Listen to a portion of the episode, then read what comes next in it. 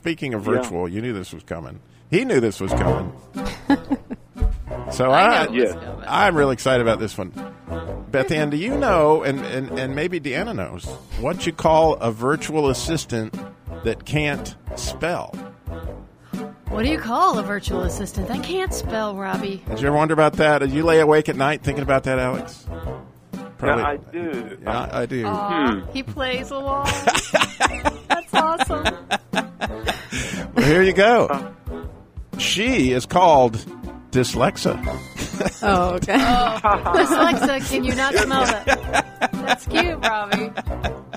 I know you'd like that. And I, I have another friend that is all into computers and stuff, and he started a crazy thing a a website offering for virtual girlfriends, right? It- it's called eBabe.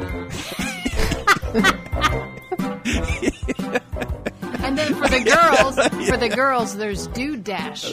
Yeah, there it is. Drop them right off. So the problem there was there was all kinds of problems with his software, from what I understand. Um, you know,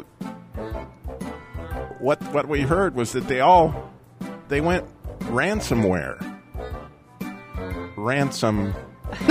Okay. It took a while to get. I didn't even know it was a riddle. It is. It's it's, it's the girls. They ransomware. Okay. okay so. Alex, you're not laughing. Uh, Robbie, you're a man of many talents. So the deep question, and there is a deep question here, Beth Ann, is are virtual jokes really funny?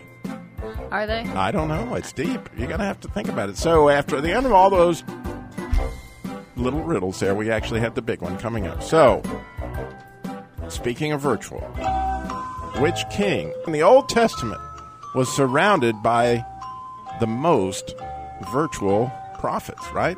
So which king in the Old Testament was surrounded by the most virtual prophets? You know, the king, the Bethan, the kingdom was clearly a non-profit organization. I'm just saying. Wouldn't you say, Alex? yeah.